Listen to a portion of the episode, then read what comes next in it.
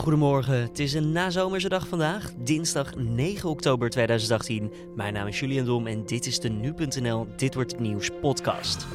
Een nazomerse dag zei ik al, maar ook vooral een volle dag voor D66. Alexander Pechtold neemt afscheid van de fractie en zijn opvolger wordt gekozen.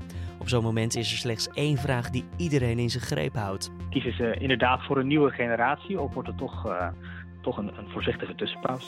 En het CBS publiceerde cijfers over hoe gelukkig we zijn op het werk. We zochten daarom uit hoe je dat geluk kan vasthouden of, mocht je niet zo blij zijn met je werk, hoe je dat wel kan worden.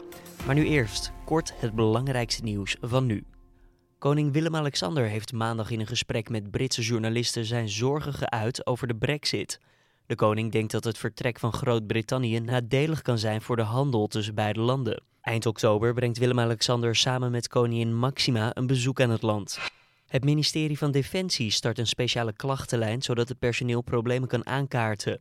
De klachten worden openbaar gemaakt voor iedereen. Dat laat commandant der strijdkrachten Rob Bauer weten in het programma RTL Late Night. De commandant hoopt dat de klachten door de speciale lijn niet meer via de pers naar buiten komen, maar via Defensie worden gemeld. De problemen zijn volgens Bauer veroorzaakt door jarenlange bezuinigingen.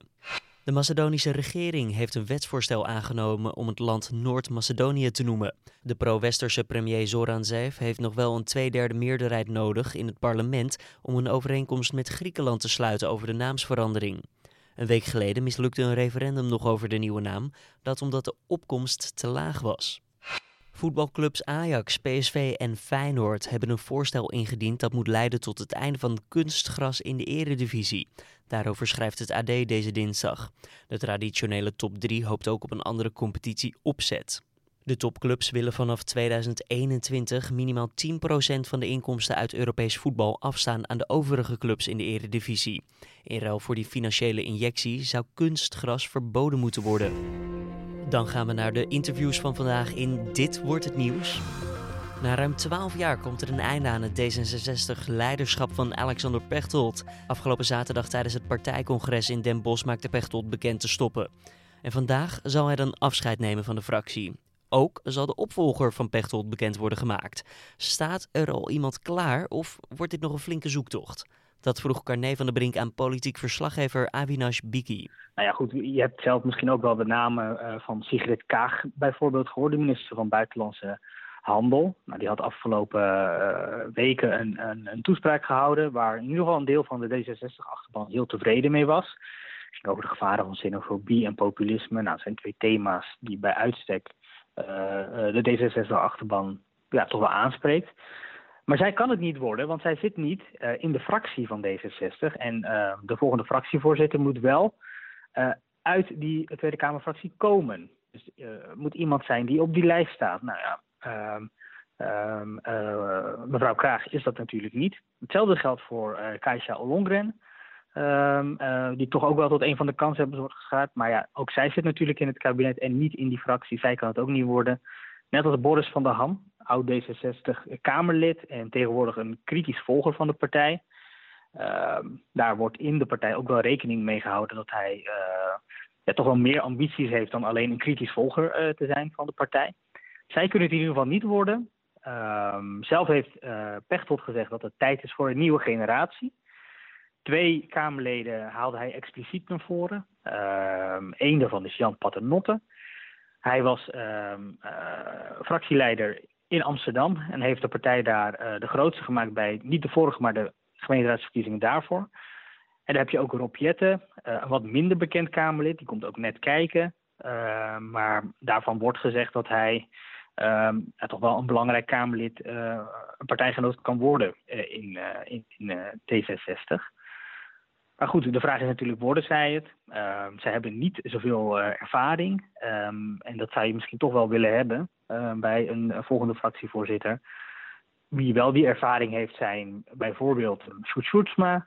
Die heeft belangrijke dossiers gehad, onder, onder zijn hoede gehad. En Kees Verhoeven.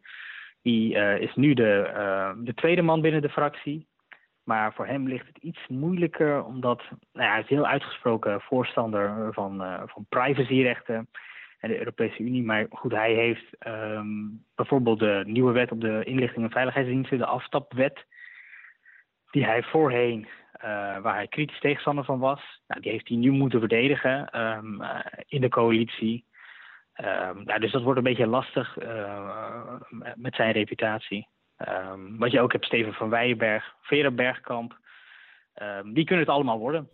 Ja, een, een, mooi lijstje van mensen, zeer divers inderdaad.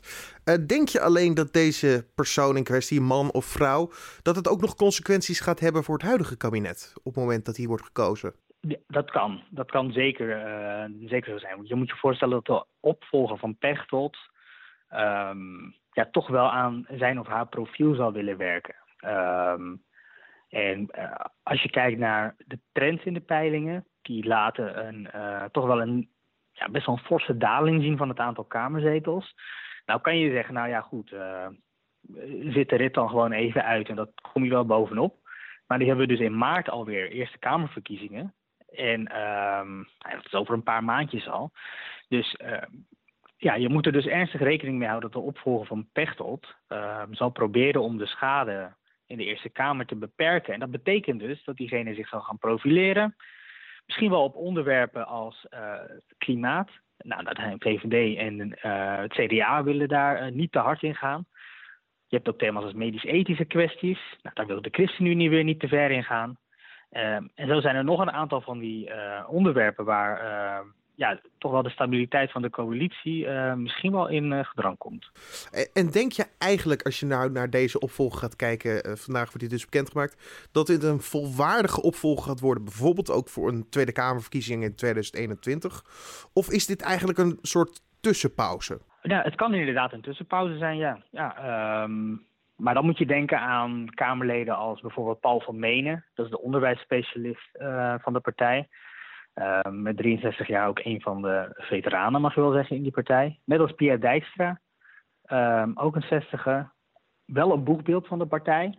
Um, heeft natuurlijk die donorwet van haar, de nieuwe donorwet van haar, door uh, de Eerste en de Tweede Kamer gekregen. Nou, dat is een heel belangrijk punt voor D66. Um, ehm, nou, van deze twee Kamerleden wordt aangenomen dat zij uh, niet uh, ja, een soort, een soort jongenhonden mentaliteit hebben. Um, en misschien dus als een tussenpauze kunnen fungeren. Um, datzelfde patroon hebben we gezien bij, uh, bij GroenLinks. Um, daar had Bram van Ooyek het stokje overgenomen. En toen hij de partij eenmaal een beetje op de rit had gekregen en stabiel had gekregen, uh, toen droeg hij het stokje over aan, alle, aan Jesse Klaver. En nou goed, dat is uh, voor die partij, nou ja, toch kan je toch wel zeggen, redelijk succesvol heeft dat uitgepakt. En nou ja, je moet er ook rekening mee houden met dat scenario. Dat hoewel Pechtold pleit voor uh, dat het tijd is voor een nieuwe generatie, zegt hij tegelijkertijd ook. Het is uiteindelijk aan de fractie om dat te beslissen.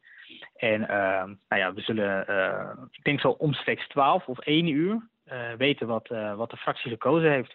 Kiezen ze inderdaad voor een nieuwe generatie of wordt het toch, toch een, een voorzichtige tussenpauze? Je hoorde politiek verslaggever Avinash Biki.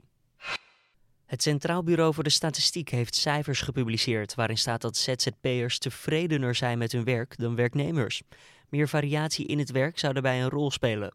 Hoe gevarieerder het werk, hoe tevredener degene is die dat werk doet, al dus het CBS. Wij zochten uit hoe je het gelukkigst op je werk kan worden of hoe je dat geluk kan vasthouden. Collega Carne van der Brink belde daarover met Michael Spierenburg, ontwikkelaar van Teams bij het adviesbureau. Er zijn eigenlijk uh, een aantal factoren die, uh, die erbij aan bijdragen dat je gelukkig bent op je werk. Uh, ten eerste is het, uh, heb je een gevoel van dat je ergens een bijdrage aan levert. En dat noemen wij betekenisgeving. Dus heeft het zin om op je werk te verschijnen? Ben je daar bezig met nuttige dingen? En een tweede factor is uitdaging. daarmee bedoelen we, ja, heb je, haal je voldoende uitdaging uh, uit je werk? Uh, stel je jezelf persoonlijke doelen of stel je die samen met je team en haal je die dan ook? Um, en een derde uh, aspect, die is heel belangrijk, is eigenlijk zijn we als team samen met elkaar eigenlijk wel lekker aan het werk. Um, als je, als je probeert je gelukkigste momenten voor te stellen in je leven, dan zul je merken als je je ogen even dicht doet dat dat meestal momenten zijn met met anderen erbij. Dus dingen samen doen, ik zou dat bijna de belangrijkste van de factoren noemen Ja, verder, ik noemde dat er vijf factoren zijn. Je kunt het ook direct over uh, geluk hebben op je werk. Hebben, zijn wij, staan we er een beetje positief in. En uh, ook de positieve dingen beter, meer benadrukken dan de negatieve dingen.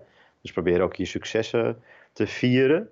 Dat is de vierde factor. En dan heb ik je waarschijnlijk heel, uh, heel nieuwsgierig gemaakt naar de vijfde factor, of niet? Ja, dat zeker. Ik, ik hang aan je lippen. En uh, nou, dat is flow, flow-ervaring. Uh, er is een Russische meneer die heeft een, met een onleesbare naam, die heeft een verschrikkelijk dik boek geschreven, wat zich vertaalt naar flow. En deze meneer deed eigenlijk onderzoek naar waarom zijn sommige mensen heel gelukkig met de taak die ze aan het volbrengen zijn. Zoals bijvoorbeeld schilders die een schilderij aan het maken zijn. En uh, dat gevoel van hey, ik ga echt helemaal op in mijn taak en ik ben me heel erg aan het concentreren, dat noem je flow-ervaring. En die flow-ervaring kun je in het werk ook proberen te stimuleren door allemaal afleidingen weg te halen uit het werk. Je kunt daar van alles op doen. Als je op een afdeling zit waar iedereen continu om je heen zit te bellen, dan kun je daar iets aan doen door mensen bijvoorbeeld headsets te geven, want dat maakt minder lawaai. Ja, want is dit ook dan een, gelijk een verschil met, uh, kijk, het geluk vinden op je werk, maar misschien ook het geluk behouden op je werk als je heel gelukkig bent? Zit daar een groot verschil tussen? Als je eenmaal gelukkig bent op je werk, heb je waarschijnlijk in het verleden iets gedaan waardoor je er nu gelukkig bent. En ik zou dat vooral ook vertalen naar de toekomst toe, om dan uh, gelukkig te blijven. En wat ik, wat ik, wat ik weet van, van geluk het werk ervaren, is dat je het meestal ook toch wel mis kan gaan op aspecten van betekenis geven. Waarom ben ik deze dingen aan het doen die nu van mij worden gevraagd? Ik snap niet waarom ik dit moet doen. Van uitdaging. Ik kan niet wat er van mij gevraagd wordt. Uh, ik kan dit doel niet halen en ik word daar ongelukkig van. En een derde van mijn, mijn collega's, uh, dus daar werk ik nu op dit moment niet lekker mee. Dus bijvoorbeeld met de collega's is het heel belangrijk om, om feedback te geven. En uh, meestal, meestal haken mensen al af als je het hebt over het woord feedback. Maar gewoon um, alsof je in, bij wijze van spreken, de kroeg zit. Elkaar kunnen aanspreken op: hey joh, wat er nu gebeurt, vond ik eigenlijk niet prettig. Dat is essentieel om voor een langdurige, prettige samenwerking te zorgen. En daarvoor, daardoor ook voor uh, meer werkgeluk te zorgen. Doen uh, bedrijven volgens jou wel genoeg om hun uh, werknemers gelukkig te houden? Nou, ik zie gelukkig in Nederland dat we daar steeds meer de focus op, op leggen.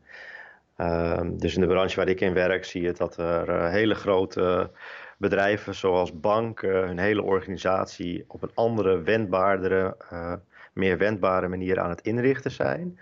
Ook om te zorgen dat de mensen op de, op de werkvloer ja, meer in staat worden gesteld om de dingen te doen die, ze, die, ze, die zij vinden dat ze moeten doen. Want uh, zij staan dicht bij de klant, dus, spreken die vaak dagelijks. Uh, en ik zie ook uh, grote programma's bij uh, vervoersbedrijven. heel belangrijk is dat je, dat, je, dat je een coachende vorm van leiderschap invoert in je organisatie. Dat je überhaupt zicht hebt op werkgeluk. Dat je dat meet. Dat je ook zorgt van dat je weet hoe de mensen ervoor staan. En daar ook ja, zoveel mogelijk met mensen over praat. Dus ik zie daar steeds meer aandacht voor. Um, ja, uiteindelijk is er inmiddels ook veel onderzoek geweest naar als mensen gelukkig zijn in bedrijven, dan uh, lopen die bedrijven ook een stuk beter, ook financieel. En zorgen ze ook uh, voor veel meer klant, uh, klantgeluk. Heb jij nog kort nog wat tips voor zelfstandige ondernemers, ZZP'ers? Hoe ja, zij, het, vraag. ja, hoe Ja. zij geluk, gelukkig kunnen blijven? Nou ja, dat is dus als, als zelfstandige al heel lastig. En dat is ook wel een van de dingen waar het bedrijf waar ik, waar ik, wat ik heb opgericht en waar ik voor werk ten doel stelt, is dat je, je bent als ZZP'er maar in je eentje. Dat is heel vervelend. Uh, dus het eerste wat ik altijd sowieso aanraad is zorg dat je met al, al andere gelijkgezinden je formeert in een netwerk. Uh, dan kun je gewoon veel krachtiger uitkomen. Dat zorgt er ook voor dat je blijft leren, want leren doe je van anderen. En je kunt ook je doelen met elkaar gaan delen. Ehm, en, en ook vragen om hulp op, op het bereiken van die doelen. Dus dat zou mijn tip zijn om vooral als je zelfstandig bent, die dingen die je dan niet georganiseerd krijgt vanuit een grote organisatie voor jezelf te organiseren. Je hoorde Michael Spierenburg, ontwikkelaar van Teams bij het adviesbureau. Het Hof van Den Haag doet uitspraken in het hoge beroep van een grote klimaatzaak. Op 24 juni 2015 won de organisatie Urgenda met 900 mede-eisers de zaak tegen de Nederlandse staat. De rechter droeg de staat vervolgens op om de uitstoot van broeikasgassen in 2020 met 25% te verminderen ten opzichte van 1990. De staat ging daarop in hoger beroep. Peter S. en Fred Ros worden de komende twee weken verhoord over hun vermeende banden met Willem Holleder. De twee kroongetuigen sloten in ruil voor strafvermindering deals met justitie. Maandag zouden de twee ook praten, maar de zitting werd afgelast vanwege problemen met het vervoer van La S. En dan kijken we nog eventjes naar het nazomerse weer van deze dinsdag. Ochtends vooral plaatselijk nog wat kans op mistbanken, maar deze trekken snel weg. En verder wordt het vooral dus een zomerse zonnige dinsdag met temperaturen van 17 tot 21 graden. En dat gaat gepaard met een zwakke wind. En dan nog even nieuws over zangeres Taylor Swift. Ze zet zich namelijk in voor twee democraten tijdens de tussentijdse verkiezingen begin november in de Verenigde Staten. De actie van Swift is niet onopgemerkt gebleven, want zelfs de Amerikaanse president Donald Trump kreeg er een vraag over. Taylor Swift jumping into politics. What do you have to say to her? And what did she say? She said she wants people to vote for Democrats. Let's say that I like Taylor's music about 25% less now, okay? Thank you. In het verleden liet de zangeres zich eigenlijk nooit uit over haar persoonlijke politieke standpunt. Maar op Instagram schrijft Swift dat ze daar nu wel anders over denkt. En met steunbetuiging kan Swift rekenen op lof en kritiek van haar volgers. Dit was dan de Dit wordt het nieuws podcast van deze dinsdag 9 oktober.